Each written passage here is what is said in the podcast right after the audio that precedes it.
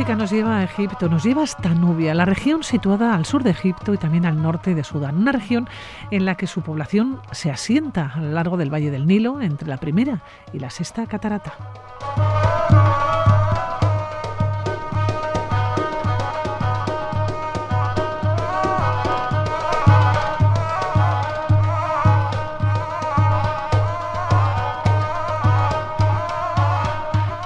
Y nos situamos en Abu Simbel, de la mano de Xavier Bañuelos. Xavier, ¿cómo estás? estamos en la Baja Nubia. Sí.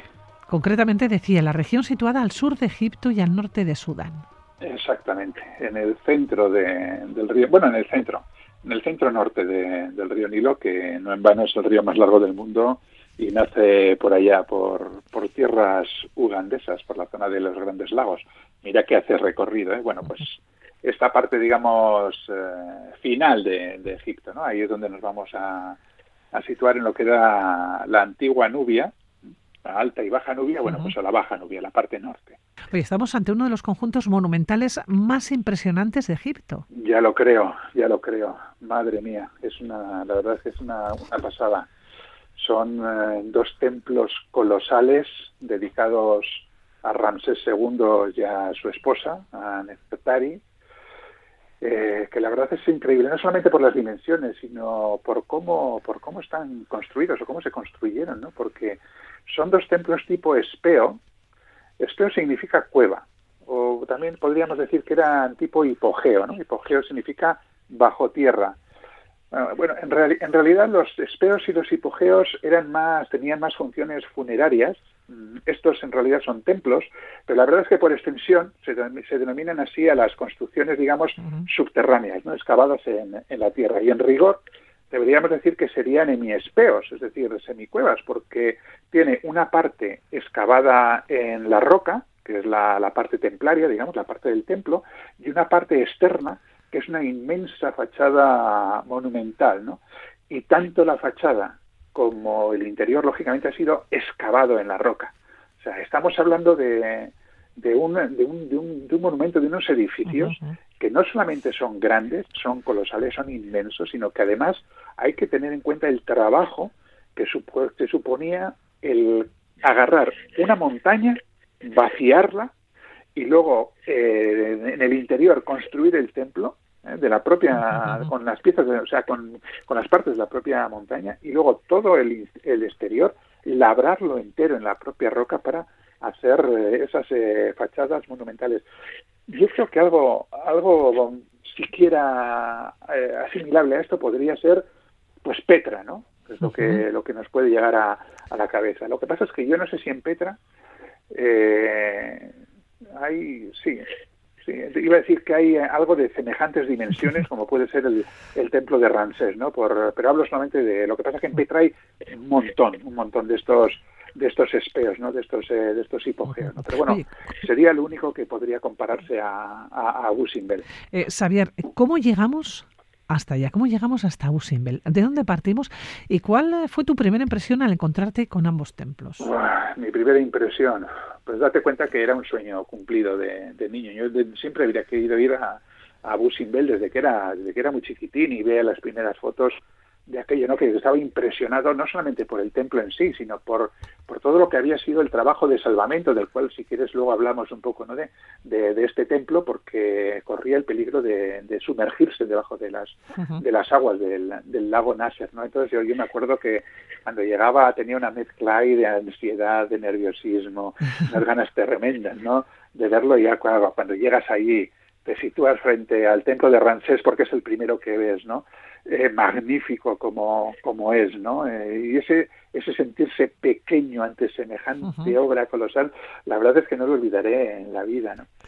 ¿Y cómo se llega? Pues, pues mira, eh, se parte de, de, Asuán. Asuán es la ciudad más meridional de, de, Egipto, la que está más al sur, ¿no? Sí. Entonces, primero hemos tenido que llegar a Asuán, que normalmente lo normal suele ser llegar en un crucero por el Nilo, desde Luxor, coges un barco y bueno vas vas descendiendo vas bueno o ascendiendo mejor dicho no porque vas aguas aguas arriba eh, el Nilo y llegas a, Asuán. Bueno pues desde Asuán hasta Abu Simbel todavía nos quedan 270 eh, kilómetros está al suroeste de, de Asuán en la orilla izquierda del lago Nasser y son 230 kilómetros de desierto desierto y desierto. Solo se puede o sea se puede llegar tanto por tierra por aire como por agua ¿eh? por, por, tierra con, un, con una caravana, eh, por, por, eh, por agua se puede llegar en otro crucero hasta, hasta atravesando el, el lago Nasser y luego por aire cogiéndote una avioneta que te lleva desde el aeropuerto de Asuán hasta, hasta el de, de Abu Simbel. Mi, mi preferido o mi ruta preferida es ir en bus, salir en la caravana que sale de Abu Simbel, llegar en bus hasta, hasta allí, hasta Busimbel, y luego coger el barco para regresar a, a atravesando el, el, lago el lago Nasser. Eh, atravesar, caravana, sí. Sí, déjame que te explique esto porque es importante. Se hace, se hace una caravana de buses desde hace unos años, desde que hubo aquellos atentados tan terribles en el templo de Hassut, en, eh, en, el Valle de las Reinas y tal. Bueno, se decidió que para evitar cualquier problema se, se organizaran caravanas. Entonces, más o menos tú sales eh, muy temprano de madrugada, sobre las 3 de la madrugada más o menos, eh, te montas, eh, tú puedes ir en tu propio taxi o tal, pero normalmente siempre tienes un punto de cita en Asuán para ir todos juntos, escoltados por, no sé si es por el ejército o por la policía, hasta Buchimbel. Cuatro horas de trayecto atravesando el, el desierto.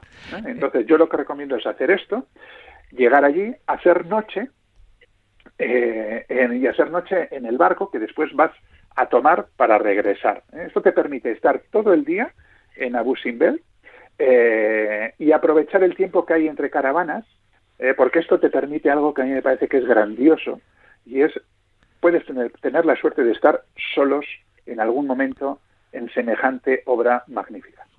Claro, yo te iba a preguntar por el alojamiento y has dicho que alojamiento, sin dudarlo, en el barco. Y claro, ¿cómo uno, uno se mueve? No tienes necesidad de moverte porque estás metido, eh, bueno, inmerso ¿no? en los templos, ¿no? en el recinto de los templos e incluso encontrar esa experiencia de poder estar solo, que decías, ¿no? Claro, sí. Eh, a ver, en principio, eh, allí no hay mucho más que ver.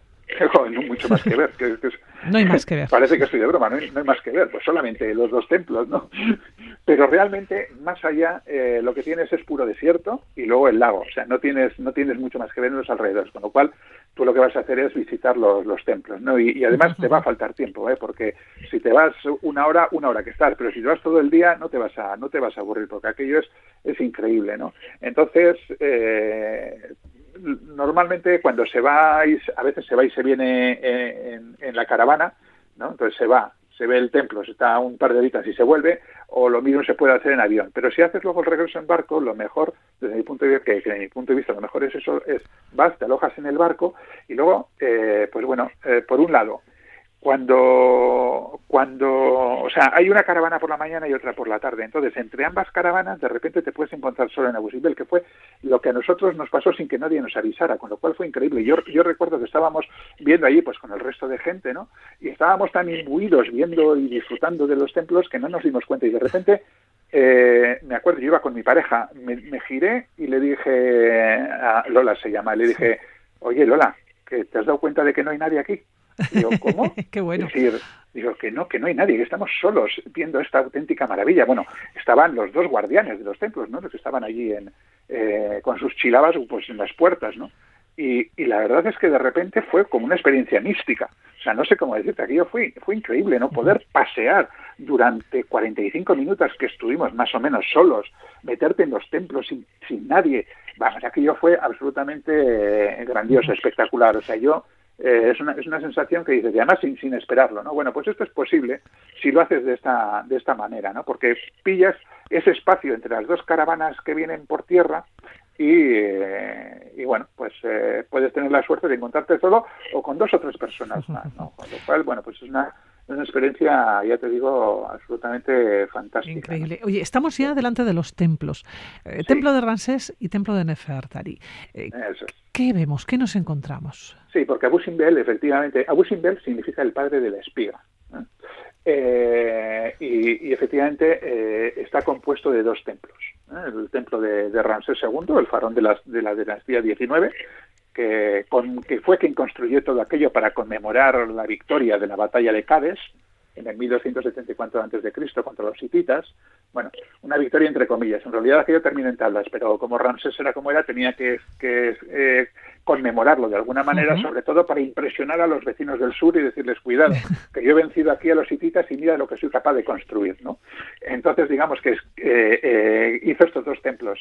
El dedicado a él mismo, a Ramsés, ¿no? que está, tiene la advocación a Amon-Ra, el dios sol, Apta, que es el dios de la magia y el maestro constructor, y a sí mismo, ¿no? Eh, una construcción, por cierto, que duró 20 años, que no se hizo en cuatro días, aunque también si lo piensas y ves aquello, dices 20 años, hasta pocos me parecen, ¿no?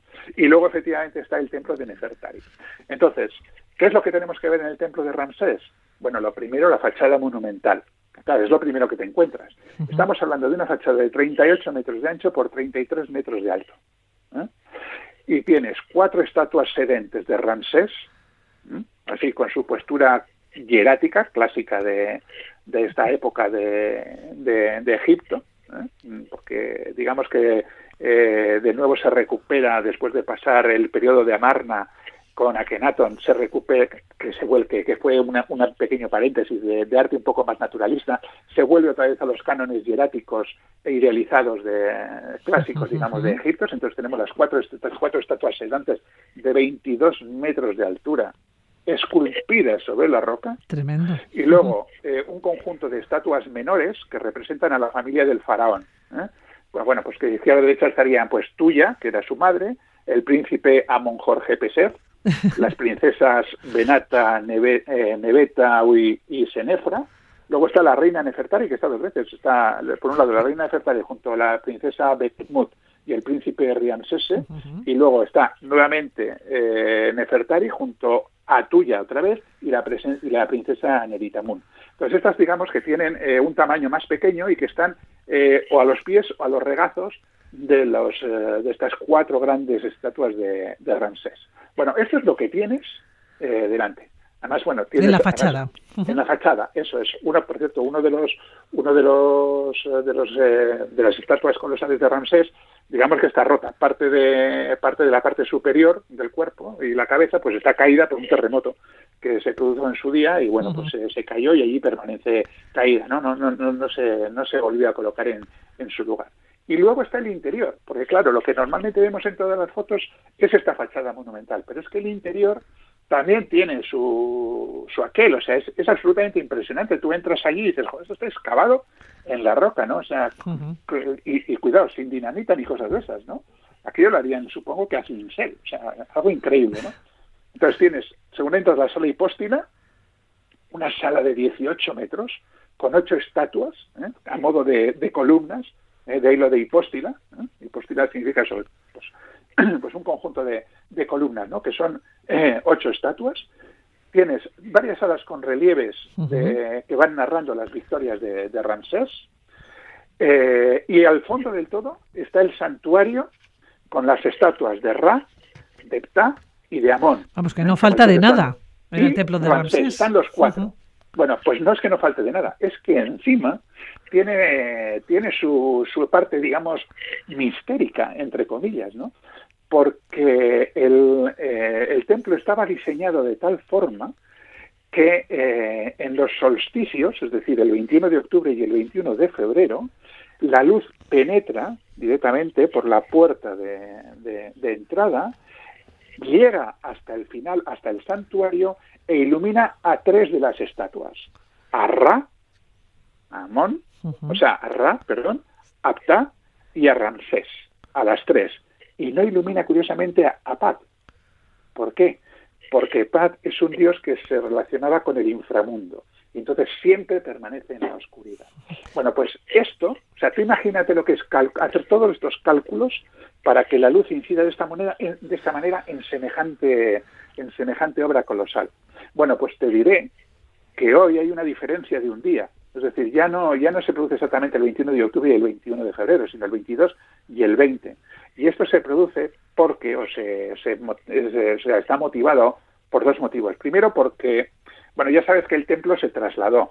Es decir, cuando se construyó el lago, el lago Nasser, o sea, cuando, eh, la presa, es decir, lago Nasser y se llenó el lago, pues eh, digamos que eh, un montón de templos de la Baja Nubia que estaban en riesgo de, ser sumergidos y entre ellos los de Abu Simbel. Entonces se desmontaron y se trasladaron, creo que fueron sesenta y tantos metros más, más arriba. Para evitar que pues se inundaran, ¿no? Para evitar que se inundaran. Bueno, pues cuando, cuando reconstruyeron el templo, los los eh, ingenieros de, la actualidad no fueron capaces de hacer lo que hicieron los, los antiguos egipcios, y es orientarlo correctamente. También hay que decir un poco en su descargo que el trópico de cáncer se ha desplazado en estos miles de años, ¿no? Porque estamos hablando de que esto se construyó, pues eso, ¿no? En el 2000 años antes de Cristo casi, ¿no? Entonces, bueno, ha habido un pequeño desplazamiento del trópico de cáncer que ha hecho que varíe también la incidencia, la incidencia de la luz, ¿no? Pero fíjate lo que hicieron, los, fueron capaces de calcular los egipcios o sea, esto no es raro, ¿eh? esto lo encuentras en muchos, en muchos incluso son las civilizaciones megalíticos. civilizaciones antiguas. yo lo digo por la colosidad de, la construcción, porque es inmensa. Bueno, de la que aprendemos muchos. Nos queda el templo de Nefertari. dedicado a la diosa Ator, efectivamente, que es la diosa del amor, la belleza y la alegría, que personificaba a Nefertari. Le construyó este templo, dicen que por el gran amor que le tenía, porque no es normal que se que se dedicara un templo a una esposa, que fuera la esposa de un faraón. Pero bueno, la fachada también es inmensa. Seis estatuas, cuatro de Ramsés y dos de Nefertari, de igual tamaño, lo cual tampoco era normal, porque siempre el, faraón tenía que sobresalir sobre el resto. En este caso no. En este caso son iguales, son inmensas. Y luego dentro es una auténtica preciosidad también, porque tiene una sala de relieves y un santuario de Ator que es una auténtica preciosidad. Pues allá tenemos que ir, Javier, cuídate. Ahí seguiremos, por la Baja Nubia. Venga, Agur. Agur, Agur.